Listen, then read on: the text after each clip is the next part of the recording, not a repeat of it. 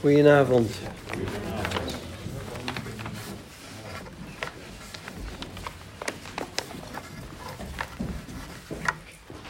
Dit zijn uh, wat onderwerpen die uh, iets lastiger zijn dan de vorige. Omdat uh, je je afvraagt wat je daar in de praktijk mee moet. En daarom zijn ze ook, ook wel heel informatief. We hebben al, uh, als je het verhaal doorleest, zul je ontdekken dat er al een verschil is tussen besnijdenis en versnijdenis. En dat gaan we eerst maar eens lezen, want dit eerste gedeelte van deze avond gaat over inspanning of geloof. Inspanning is dan de wet. Kom ik er door mij in te spannen om de wet te volbrengen, wat een invalshoek is. Of kom ik er alleen door geloof, want ik ben gerechtvaardigd, niet door de wet, maar door het geloof. Nou, dat is een beetje de insteek. En wij gaan nu lezen uit Filippenzen hoofdstuk 3. En dan de eerste elf versen. En dat gaat als volgt. Voor het overige, broeders en zusters, laat de Heer uw vreugde blijven. Ik heb er geen moeite mee dat opnieuw aan u te schrijven ik doe het voor uw eigen bestwil. En dan pas op voor de. Eigenlijk staat het nog iets anders. Pas op voor die honden met hun kwalijke praktijken. Pas op voor die versnijdenis. Wat dat precies inhoudt, gaan we straks zien. Pas op voor die versnijdenis van ze. Wij zijn, wij zijn het die besneden zijn. Wij verrichten onze dienst door de geest van God. En laten ons voorstaan op Christus Jezus en niet op afkomst en prestaties. Hoewel ik alle reden heb om daarop te vertrouwen. Als anderen menen dat te kunnen doen, dan kan ik het zeker. Want ik werd besneden toen ik acht jaar, dagen oud was. Ik behoor tot het volk van Israël, tot de stam van Benjamin. Ik ben een geboren Hebreeër met de wetsopvatting van een Fariseer. Ik heb de gemeente fanatiek vervolgd. En ten aanzien van de rechtvaardigheid die de wet voorschrijft, was er op mij niets aan te merken. Maar wat voor winst was het? Ben ik omwille van Christus als verlies gaan beschouwen? Maar wat voor winst was het? Want ik ben het als verlies gaan beschouwen. Dat is wat er staat. Sterker nog, alles beschouw ik als verlies. Want alles wordt overtroffen door het kennen van Christus Jezus, mijn Heer, omwille van wie ik alles heb prijsgegeven. In mijn ogen is het waardeloze troep. Dat vind ik nog eens een vertaling, hè? In mijn ogen is het waardeloze troep. Al die wettische toestanden. Want ik wil Christus winnen en één met hem zijn. Niet dankzij mijn eigen rechtvaardigheid door het naleven van de wet, maar dankzij de rechtvaardigheid die er is door het geloof in Christus en die God toekent op grond van geloof. Ik wil Christus kennen door de kracht van zijn opstanding te ervaren, door te delen in zijn lijden en aan hem gelijk te worden in zijn dood. In de hoop ook zelf uit de dood op te staan. En dat laatste zinnetje heeft meer in zich dan je misschien zo denkt, maar dat zien we dan straks wel. Laten we eens even kijken naar wat we gelezen hebben. Het is gemakkelijk om meer de nadruk te leggen op godsdienstige inspanning in wezen heeft elke godsdienst inspanning in zich. Als ik dat doe, dan kom ik daar. denk aan de moslimwereld. Als ik vijf keer per dag bid tot die kant, dan komt het wel goed. Nog een paar andere dingen, maar dan. toch altijd die eigen verdienste zit erin. bij de hindoeïsme, zit in elke godsdienst terug te vinden. En dat is eigenlijk niet de bedoeling van het christendom. Van het volgen van Jezus. Niet door mijn inspanning, maar door zijn genade. Daar ligt altijd de klemtoon. En door het geloof daarin. Dus wat hij hier doet, Paulus in Filippenzen 3, is laten zien: is het de inspanning van de wet of is het je geloof in de Heer Jezus Christus? En Paulus begint dan het hoofdstuk met: Laat de Heer uw vreugde blijven. Niet alleen zijn, maar ook blijven. En onze boodschap moet zijn: in de Heer en niet in de omstandigheden, zoals we vaker hebben gezegd. En het is duidelijk dat de problemen beginnen in vers 2. En Paulus heeft er een, geen bezwaar tegen zijn houding tegenover dwaalleraren nog eens helder uit te leggen. En dat vers 2 is dus pas op voor de honden. De honden, dat is een scheldwoord, zoals jullie wel weten, zeker in Israël. Ook daar komen wij nog zo verder op terug. Maar dat gaat over die dwaalleraren in de eerste plaats. Waar denkt Paulus aan als hij in vers 2 wil waarschuwen tegen die honden en wat er ook verder staat? In eerste instantie eh, leek het evangelie alleen bedoeld voor de Joden. In Handelingen 8 vanaf vers 5 wordt het goede nieuws ook gebracht aan de Samaritanen. En dat was nog te accepteren. Het probleem begon al een beetje als Petrus in Handelingen 10 ook naar de heidenen gaat, het huis van Cornelius, weet je nog? En hij is zelf ook niet erg overtuigd daar nog hoor. Hij heeft dan wel dat visioen gehad, weet je wel, van het vlees wat uit die hemel neerdaalde. Maar dan staat hij daar op een gegeven moment te preken voor die heidenen. En dan voel je hem denken van, is het wel zo? En dan is het heel leuk dat in Handelingen 10 vers 44 onderbreekt God hemzelf. God zendt de geest. Petrus wordt onderbroken. God zendt de geest. En ineens beginnen die heidenen te spreken in nieuwe tongen, in nieuwe talen. En zegt Petrus, oh ja, ze ontvangen ook de geest, dan mogen ze ook wel gedoopt worden. Dus je ziet hem eigenlijk veranderen door wat God doet. Maar je moet je even voorstellen dat het moeilijk voor hem is om te aanvaarden dat het heil ook voor de heidenen is. Want in principe was Jezus gekomen voor de verloren schapen van het huis Israëls. En dan verandert dat als Jezus ten hemel vaart en zegt: Ga heen in de gehele wereld. Maar in hun denken van de Joden was altijd nog: het is in de eerste plaats voor ons. En daarom gaat er nu iets gebeuren en daar gaat het nu over in dit Bijbelgedeelte en wat er verder volgt. Dus de heidenen die worden christenen, maar nou begint er een probleem, want veel van de Joden die uit de Fariseeën zijn voortgekomen, vinden dat ze besneden moeten worden. Dus eigenlijk vinden ze, als die heidenen christen willen worden, moeten ze eerst Joods worden. Want het heil komt van de Joden. Dus ze moeten besneden worden. En dat is dan het hele verhaal waar we dan mee te maken krijgen in Handelingen 15. En dat ga ik met jullie lezen. Want dan begrijp je ook waar het probleem zit. Als Paulus dan zegt, let op de honden, die dwaalleraars... die jullie nog steeds willen meenemen naar die besnijdenis... wat uiteindelijk een versnijdenis, een verminking dreigt te worden. Ja? Dan weten jullie waar het over gaat. We gaan nu naar Handelingen 15, waar daar zit de kern van de hele misère over het Filippense verhaal. Er kwamen enkele leerlingen, discipelen, uit Judea die betoogden dat de broeders zich moesten laten besnijden, overeenkomstig het door Mozes overgeleverde gebruik, omdat ze anders niet konden worden gered. Houd het even vast, hè? Dus zonder besnijdenis kon je niet worden gered. Dat was nog in hun denken zo. Je moest besneden zijn. Dit leidde tot grote oneenigheid met Paulus en Barnabas, want die kwamen net uit de heidenwereld vandaan, waar ze geëvangeliseerd hadden. En waar veel heidenen tot geloof waren gekomen. Dus, dat is een punt. Dit leidde tot grote oneenigheid met Paulus en Barnabas en mondde uit in een felle woordenstrijd. Besloten werd dat Paulus en Barnabas samen met enkele andere leerlingen of discipelen naar Jeruzalem zouden gaan om deze kwestie voor te leggen aan de apostelen en de oudsten. Nadat de gemeente hun uitgeleide had gedaan, gingen ze op weg en trokken ze door Phoenicië en Samaria. En daar verhaalden ze uitvoerig van de bekering van de heidense volken, wat bij alle gelovigen grote vreugde wekte, natuurlijk. Bij hun aankomst in Jeruzalem werden ze verwelkomd door de apostelen en de oudsten en door de rest van de gemeente. Ze brachten verslag uit van alles wat God door hen tot stand had gebracht. Enkele gelovigen die tot de partij van de Fariseeën behoorden, dus ze waren wel tot geloof gekomen, het faricisme was, zat er nog een beetje in.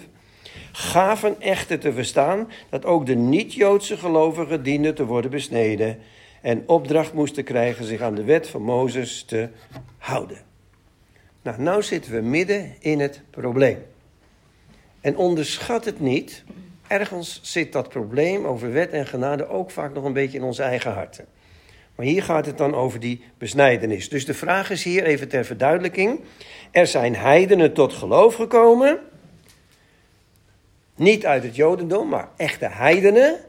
Moeten die ook niet besneden worden? Dat is het probleem dus hier. Hè? dus de vraag.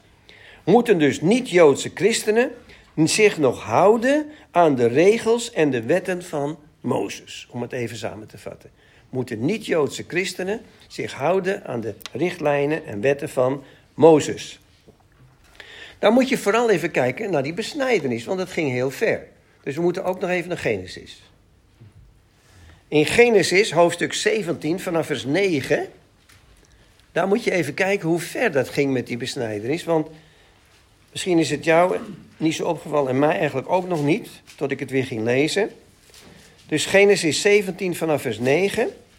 Ook zei God tegen Abraham: Jij moet je houden aan dit verbond met mij, evenals je nakomelingen, generatie na generatie. Dit is de verplichting die jullie op je moeten nemen. Alle mannen en jongens moeten worden besneden. Jullie moeten je voorhuid laten verwijderen. Dat zal het teken zijn van het verbond tussen mij en jullie. In elke generatie opnieuw moet iedereen van het mannelijk geslacht besneden worden wanneer hij acht dagen oud is.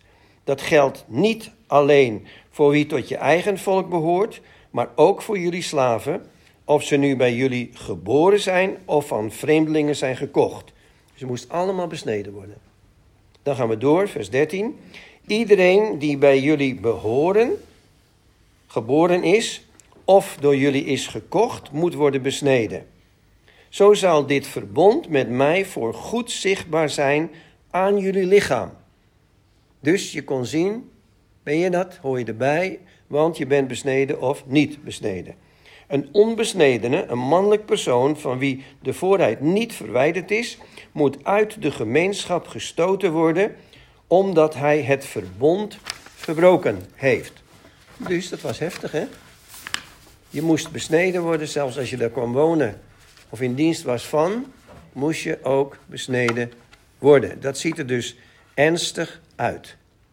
En die mensen die uit de kring van de Fariseeërs tot geloof waren gekomen, die vonden dus die besnijdenis noodzakelijk. En nu grijpen even, en daar gaat het over vanavond, dat handelingen 15 en Galaten 2 en 3 grijpen nou in dit verhaal in elkaar. Dat moeten we even samen zien, anders dan begrijp je het niet helemaal. Dus je weet nog wat handelingen 15 zegt, hè? Ze komen daar samen in Jeruzalem. En ze hebben nu strijd over, moeten mensen die tot geloof gekomen zijn uit de heidenen ook besneden worden. We gaan naar Galaten 2, vers 11 tot en met vers 13.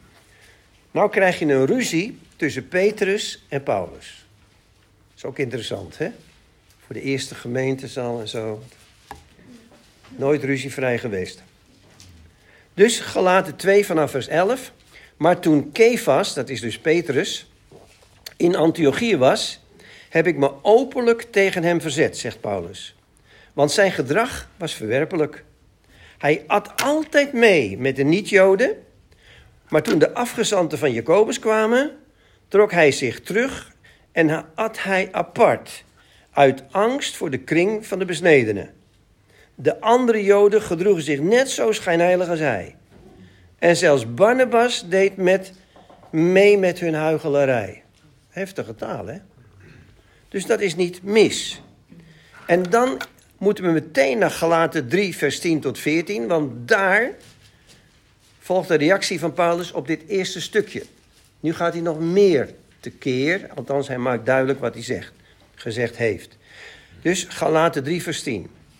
Maar wie zijn vertrouwen stelt in het naleven van de wet, leeft onder de vloek, onder een vloek. Want er staat geschreven: Vervloekt is een ieder die zich niet houdt aan alles wat in het boek van de wet geschreven staat. Dus als je je houdt aan de wet, zegt hij, dan leef je onder een vloek.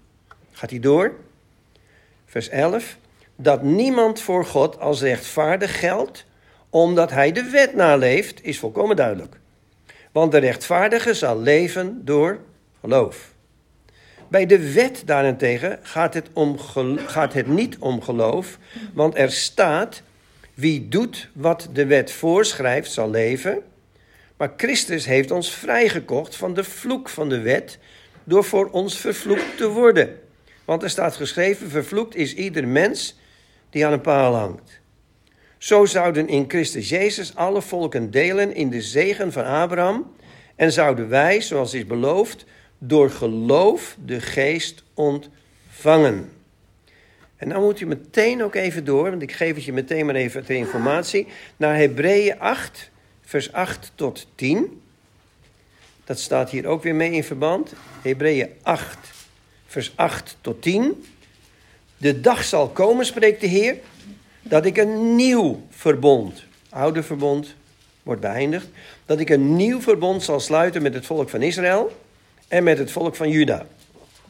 Niet een verbond zoals ik dat sloot met hun voorouders, toen ik hen bij de hand nam om hen weg te leiden uit Egypte, want aan dat verbond zijn ze niet trouw gebleven.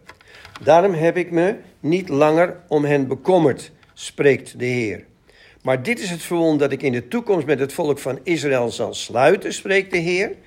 In hun verstand zal ik mijn wetten leggen en in hun hart zal ik ze neerschrijven. Dus ik leg mijn wetten in hun verstand en in hun hart, niet meer op papier, zodat je nu door de geest als het ware weten wat je wel en niet moet doen. Dan gaat hij door. Dan zal ik hun God zijn en zij zullen mijn volk zijn. Dus God spreekt hier van een nieuw verbond. En dan zegt hij, de wet is vanaf heden niet meer geschreven op stenen tafelen, maar in je hart. En wat betekent dat nu? De geest maakt je duidelijk dat je niet mag doodslaan, dat je niet mag echtbreken, dat je al die dingen niet mag. Hoef je niet meer proberen die wetten te houden, want dat kun je toch niet. Christus heeft de wet vervuld. En in Christus kun je daar overwinning over hebben, over alles wat God niet zou willen. Dus de mens moet nu God leren kennen vanuit een persoonlijke relatie en niet meer vanuit regels en wetten. Het volk hoeft zich zelfs niet meer via de hoge priester of de priester met, met God te spreken, maar iedereen kan nu rechtstreeks tot God gaan. Weet je nog dat je altijd via de priester tot God moest gaan? En nu zijn wij zelf een volk van priesters. Een geheiligd volk, God het een eigendom, zegt Petrus dus in zijn brief.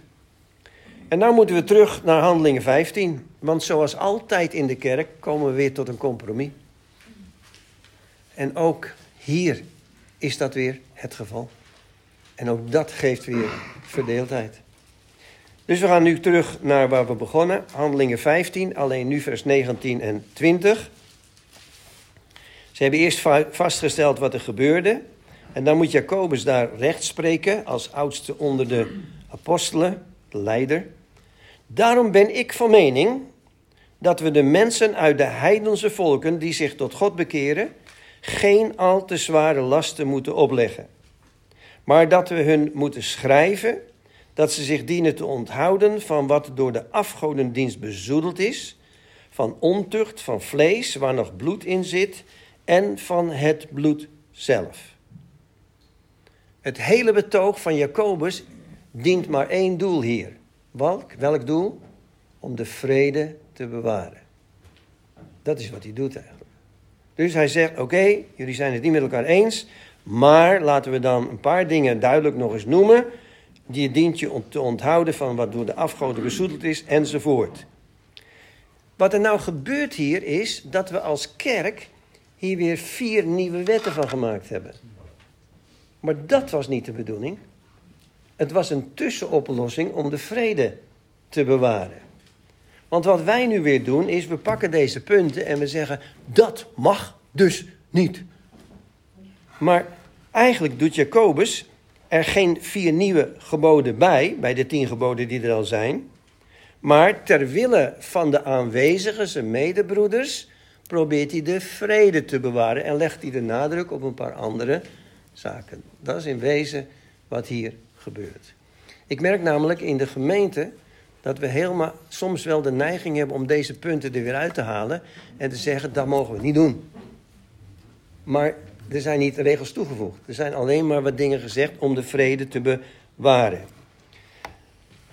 Nou gaan we terug naar Filippenzen. Want er zitten die honden nog, weet je. En die honden, dat zijn dus in wezen die dwaalleraren. En in Filippenzen richt Paulus zich tegen die dwaalleraren met een Joodse achtergrond. Ze willen de gelovigen uit de heidenen belasten met de Joodse ceremoniële wetten. En hoe noemt hij die dwaalleraren? Honden. En honden zijn onrein. Honden is ook een scheldwoord voor de Joden. De Joden gebruikten dat scheldwoord ook voor de heidenen. Die noemden de heidenen ook honden. En hier gebruikt Paulus deze benaming voor zijn Joodse tegenstanders. Dus hij gebruikt een woord wat de Joden gebruiken voor de heidenen, gebruikt hij nu voor die Joodse tegenstanders, die dwaalleraren. Om even het begrip honden te zien, dat hoef je verder niet op te zoeken, maar dat staat in Jesaja 56, vers 11. Dan kun je dat nog eens nalezen, ik zal het wel even voorlezen. In Jesaja 56, vers 11 staat: Vraatzuchtige honden zijn het, onverzadigbaar. Het zijn herders zonder inzicht. Allemaal gaan ze hun eigen weg. Ieder belust op eigen voordeel. Eigenlijk zegt hij, zoals honden de straat afstropen naar voedsel en daarbij de, voor, de voorbijgangers lastigvallen. Dat is in wezen wat hier gebeurt. Oké, dan gaan we dat verder even uitspitten. En dan treft Paulus hier zijn tegenstanders door het woord besnijdenis eigenlijk ja, bijna belachelijk te maken. Hij zegt namelijk: Ik vergelijk het met een versnijdenis, een verminking. Wanneer besnijdenis slechts een uiterlijk teken aan het lichaam is, heeft het dus geen enkele waarde als het gaat om een geestelijk leven. En jullie hanteren besnijdenis als versnijdenis als een verminking. Jullie verminken het evangelie door het zo te brengen. Want de besnijdenis van toen heeft een hele andere betekenis gekregen. Met de uitroep wij zijn het die besneden zijn, geeft Paulus aan dat de Filippenzen in Christus besneden zijn. Laat me even een paar teksten daarbij geven voor jullie dat je het goed begrijpt. Dus even niet van Filippenzen. In Romeinen 2 vers 29 staat, Joods zijn is iets innerlijks en de besnijdenis is die van het hart. Dus daar is een duidelijke uitleg over. Echt Joods zijn is iets innerlijks en de besnijdenis is die van het hart. En in Colossense 2 vers 11 staat, in hem bent u ook besneden, niet door mensenhanden, maar met de besnijdenis van Christus, door alles wat aards in u is af te leggen. Colossense 2 vers 11, dat is wat de kerk, de traditionele kerk, altijd gebruikt, die tekst, om te zeggen dat de doop in de plaats van de besnijdenis is gekomen. En die zin dat het doop in de plaats van de besnijdenis is gekomen, is al heel vreemd, want alleen de jongetjes werden besneden. Dus dan zouden de meisjes niet gedoopt kunnen worden.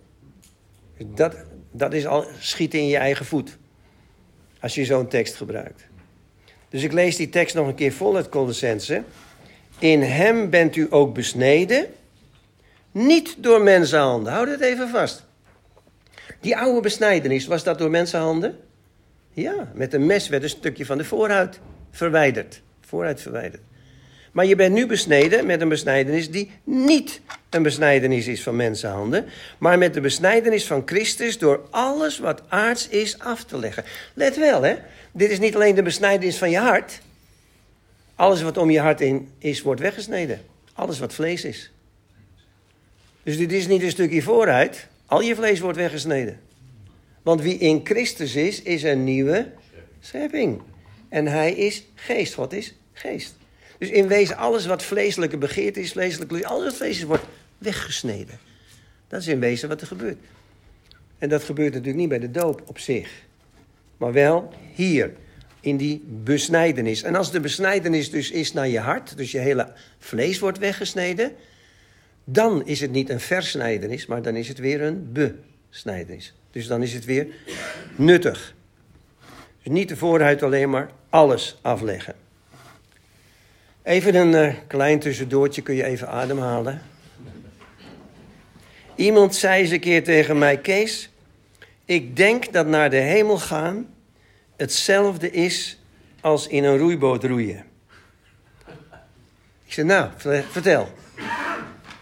En toen zei hij, nou, de ene roeispaan is dan geloof en de andere roeispaan heet dan werken. En als je beide roeispanen tegelijk gebruikt, geloof en werk, dan kom je er. Als je echter maar één roeispaan gebruikt, draai je in een kringetje rond. Want het geloof zonder de werken is dood. Dus één roeispaan is er niet. En hij heeft gelijk. Alleen waar ik mee zit in het voorbeeld is dat ik die illustratie fout vind. En ik denk als ik het uitleg, jullie ook. Want niemand gaat ooit naar de hemel in een roeiboot. Jullie wel? Samen een end roeien wezen. Dus het is wel waar, geloof en werken. Alleen blijft toch over, wij zijn gerechtvaardigd door ons geloof in Christus Jezus. En werken voegen daar niks aan toe. Waarom zijn de werken wel belangrijk? Omdat Jacobus zegt, het geloof zonder de werken is dood.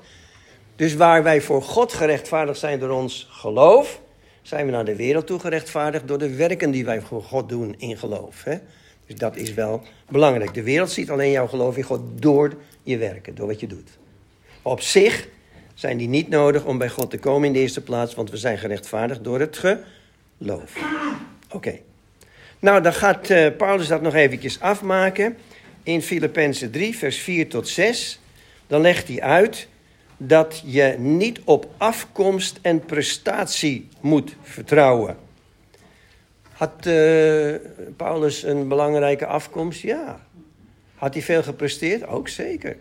Hij wist alles over de wet, hij wist alles over de schriften. Daarom was hij ook zo goed bruikbaar voor God natuurlijk. Hij kon het oude met het nieuwe verbinden. En hij wordt dan ook gebruikt naar de heidenen toe. Paulus had een indrukwekkende lijst van allerlei kwaliteiten. En hij wist van alles. Maar dat veranderde helemaal toen hij Jezus leerde kennen. En Paulus probeert God ook niet te behagen door zijn eigen prestaties. Maar hij wil God laten zien dat hij wil leven uit geloof. Dan moeten we even kijken nog in vers 9 van dat Filippenser gebeuren. In vers 9, dat benadrukt nog eens, niet dankzij mijn eigen rechtvaardigheid door het naleven van de wet, maar dankzij de rechtvaardigheid die er is door het geloof in Christus en die God toekent op grond van geloof. Dus er is een rechtvaardigheid door het naleven van de wet, zegt hij. En een rechtvaardigheid die er is door het geloof in Christus Jezus. En die plaatst hij even naast elkaar of tegenover elkaar. En dan zegt hij, door rechtvaardigheid naar de wet van een mens kan een mens niet behouden, de rechtvaardigheid naar de wet. De wet was een opvoeder tot de komst van Christus. Hè? En als er dan staat dat de rechtvaardigheid is door het geloof in Christus, kunnen we beter lezen door het geloof van Christus, namelijk door het geloof in het volbrachte werk van Jezus. Dus daar ligt dan de klemtoon, maar ik denk niet dat ik dat nog hoef te benadrukken. Niet mijn eigen rechtvaardigheid door het naleven van de wet, want ik kan de wet niet eens houden, dat beleiden we al meteen. Ik zit altijd wel ergens fout met een van die geboden. En dan is het heerlijk dat hij die wet heeft vervuld en dat wij behouden zijn door zijn geloof in de Heer Jezus Christus.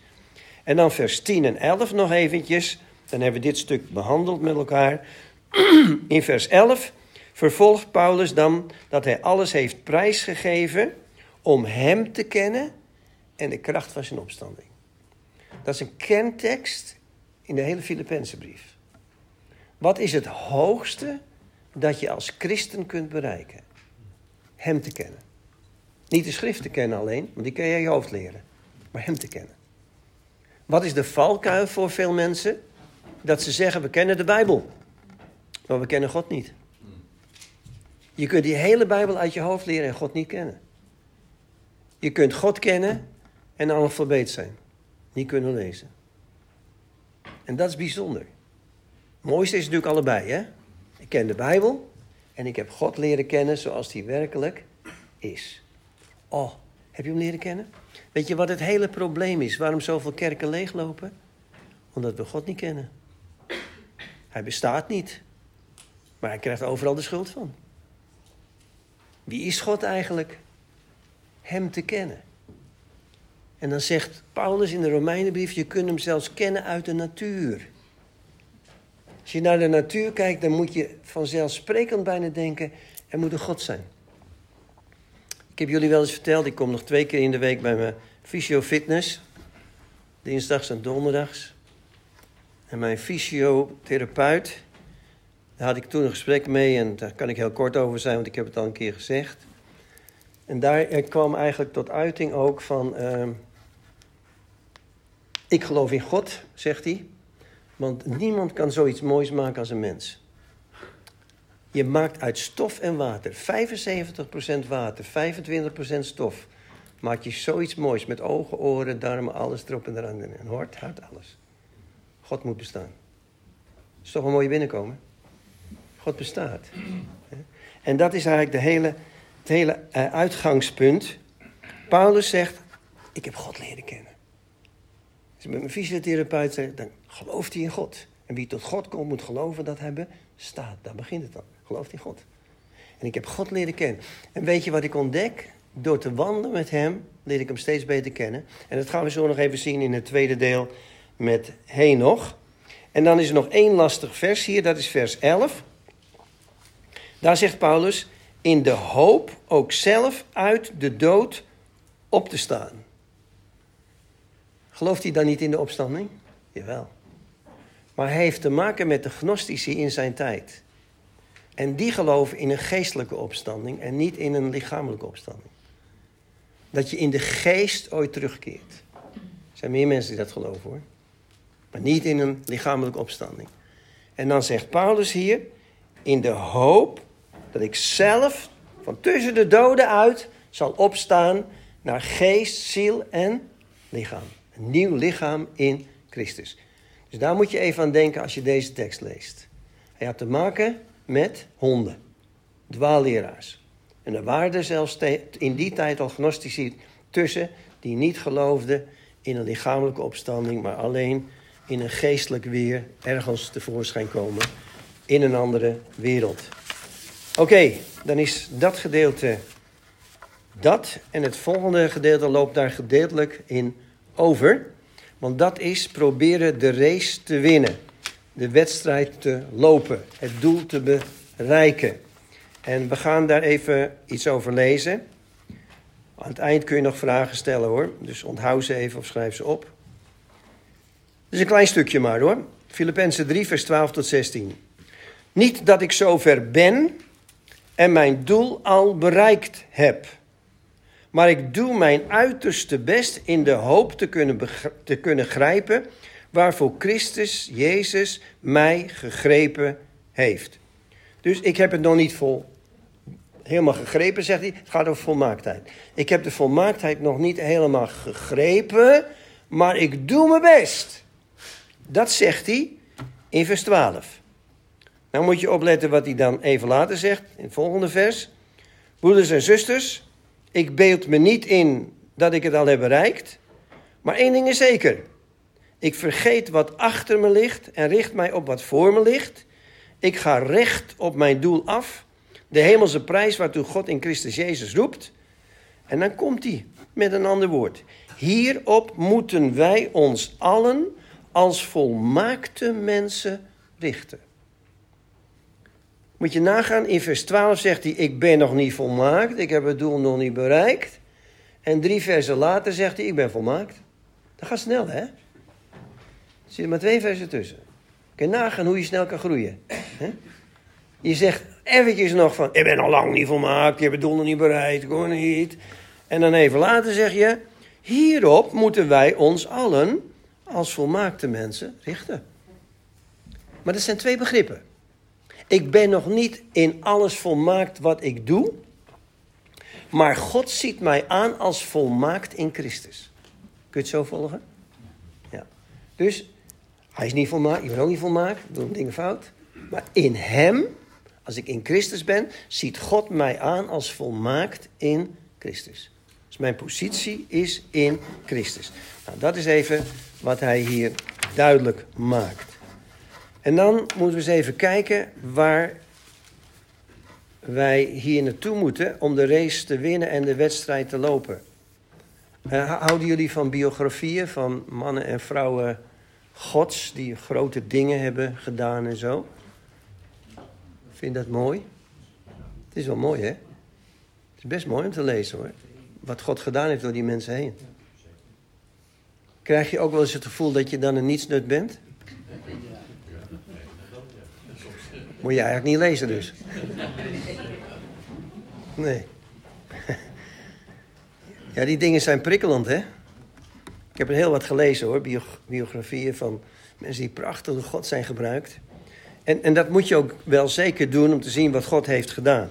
Alleen je moet er geen minderwaardigheidscomplex van krijgen. Het is niet de bedoeling dat je op die mensen gaat lijken. Want je voorbeeld is Christus. En op hem moet je lijken. Ga nooit proberen op een ander te lijken die je bewondert. Want dan wordt niks. Dan voel je je eeuwig minderwaardig. Maar dat is ook niet wat God wil. Dat je gaat lijken op die of die zendeling. Of die of die werker. Maar dat jij bent wie je bent, moet je vooral blijven. Maar je moet je ook realiseren dat je in Christus een nieuwe schepping bent. En bruikbaar voor God. Alleen op jouw plaats. Je kunt niet allemaal op die plaats staan waar die anderen staan. Billy Graham had een andere plaats dan ik en dan jij. Ja, toch? misschien sta ik ook nog voor een aantal mensen. Maar daar zit het hem niet in. Het gaat erom, doe ik op mijn plaats wat God van mij verwacht.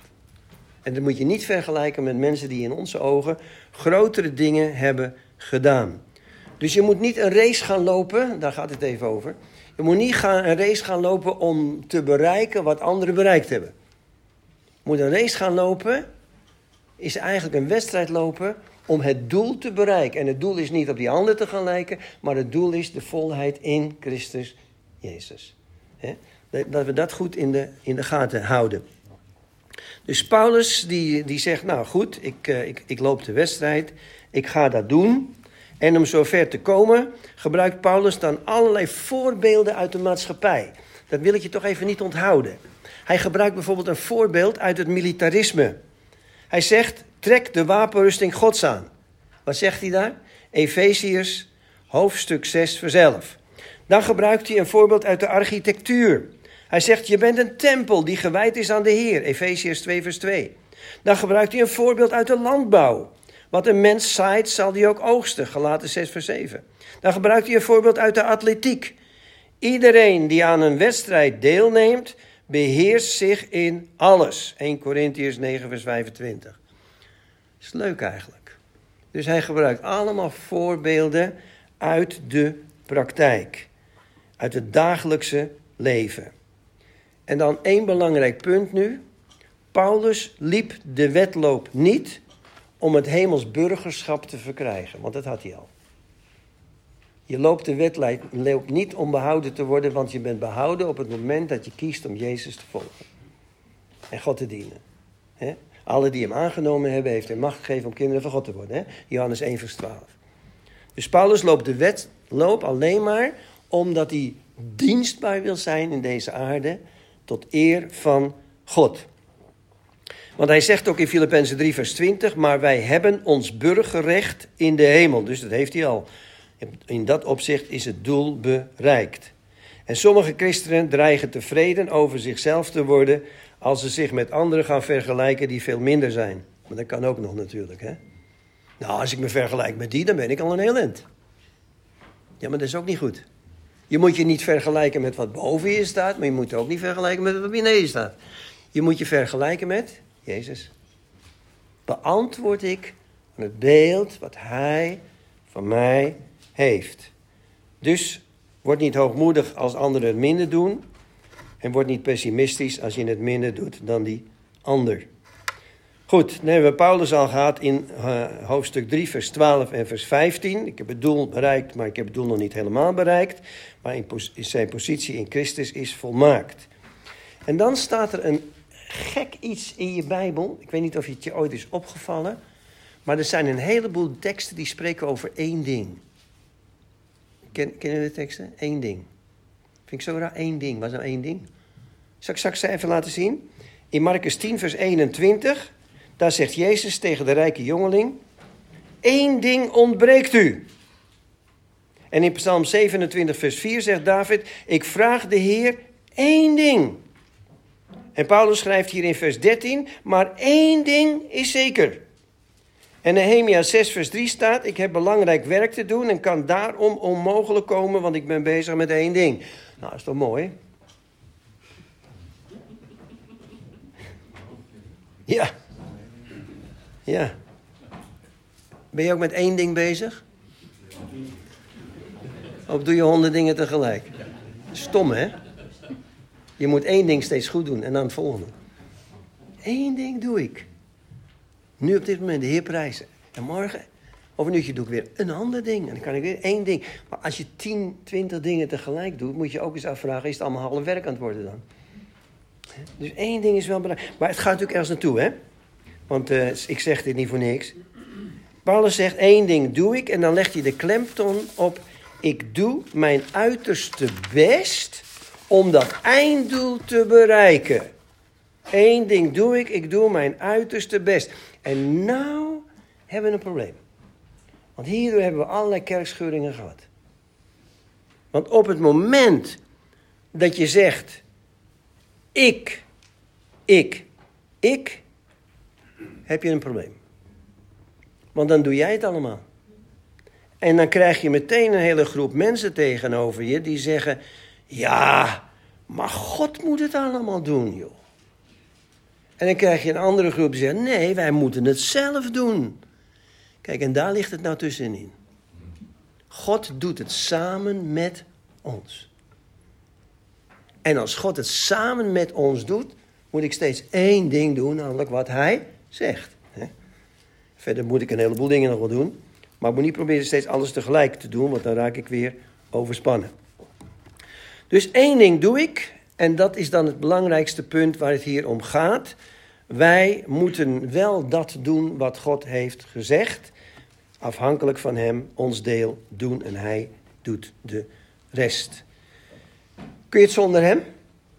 Nee. Moet je even die tekst onthouden, Johannes 15, vers 5. Jezus zegt, zonder mij kun je niets doen. Dus je vormt samen met de Heer een team.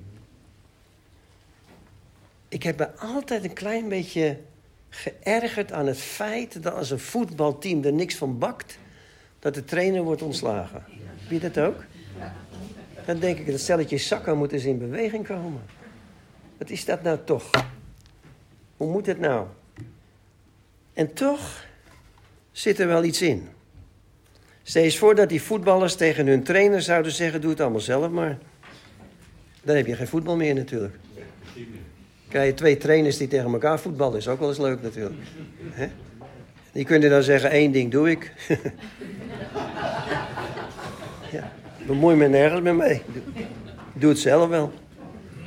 Dus voetballers kunnen niet tegen hun trainer zeggen: Doe het zelf allemaal maar. En de bedoeling is dat wij ook in teamspel ons deel doen. Anders zijn we geen team.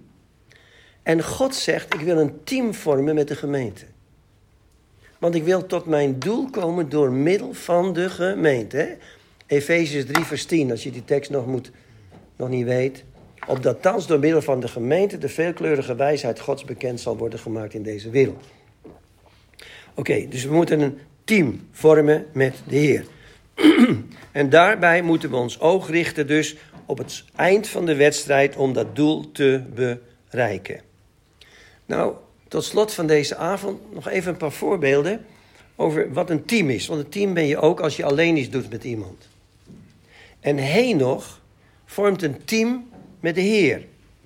Maar weer heel anders als Paulus.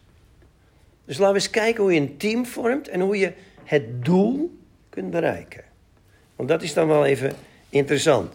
Ik neem jullie mee naar Genesis 5, vers 21 tot 24.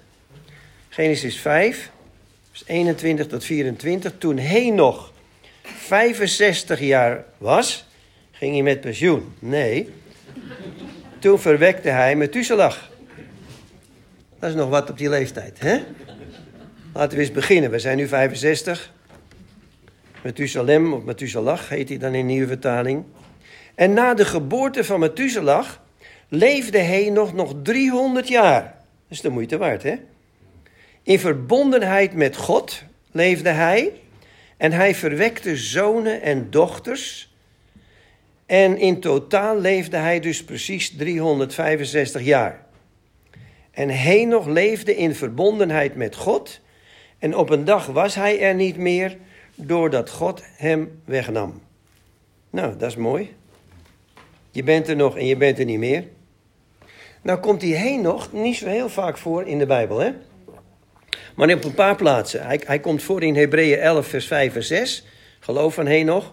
En hij komt in Judas voor in vers 14 en 15, waar hij profeteert. Dus hij komt in twee gedeelten nog eens voor, die Henoch.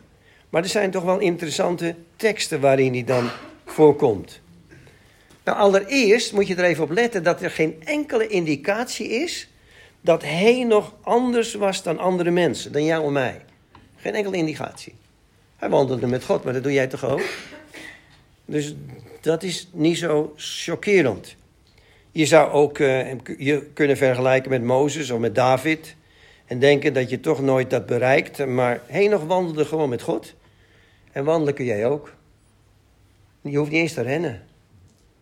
Je kan wandelen. Dat is toch heerlijk ontspannen. Dus een teamvorming met God kan gewoon zijn: ik wandel met God. Nou is er wel iets interessants bij Henoch. En dat is wanneer begon Henoch te wandelen met God. En dan kom je tot de ontdekking dat hij pas met God begon te wandelen na de geboorte van Methuselah. Dus wanneer begon hij met God te wandelen? Na de geboorte van een zoon. En wanneer begon jij te wandelen met God? Nadat de zoon in jou geboren was geworden. Jezus. Voor die tijd kon je niet wandelen met God. Je kunt alleen bij God komen door Jezus. Dus wanneer zijn wij met God gaan wandelen? Vanaf het moment dat de zoon in ons geboren mocht worden. Dat Jezus de leiding mocht overnemen. Dus dat gebeurt ook. Heeft de naam Methuselah misschien nog iets te zeggen aan ons? Vaak betekenen namen in de Bijbel toch wel iets belangrijks. De naam Methuselah betekent wanneer hij dood is, zal het komen. Of wat populairder, na mij de zondvloed. Vind je dat niet interessant? Want zijn naam betekent, wanneer hij dood is, zal het komen. Na mij de zondvloed. En hoe oud werd Methuselah? 969 jaar. Hij werd de oudste mens die ooit geleefd heeft. Laat je dat iets zien van de genade van God? Ja? Er wordt een Methuselah geboren. Zijn naam betekent... Na, nadat hij sterft zal de zondvloed komen. Zo ongeveer. En dan wordt hij de oudste mens. En dan zie je ineens de genade van de Heer weer terugkomen. Daarin. Al die tijd hebben ze nog kunnen kiezen om tot geloof te komen. Dus nou weer even terug naar die Henoch. Dus die kreeg als zoon die Methuselah. Die Henoch die wandelde dus met God. En de oudste mens die hij... Uh, die, hij heeft de oudste mens voortgebracht die ooit geleefd heeft. En dat gaf meteen ook de genadetijd aan. De voorspelling dat de zonvloed uitkwam. Dus Henoch wandelde met God 300 jaar. En toen was klaar. En wat doet Paulus? Die loopt een wedstrijd of een race.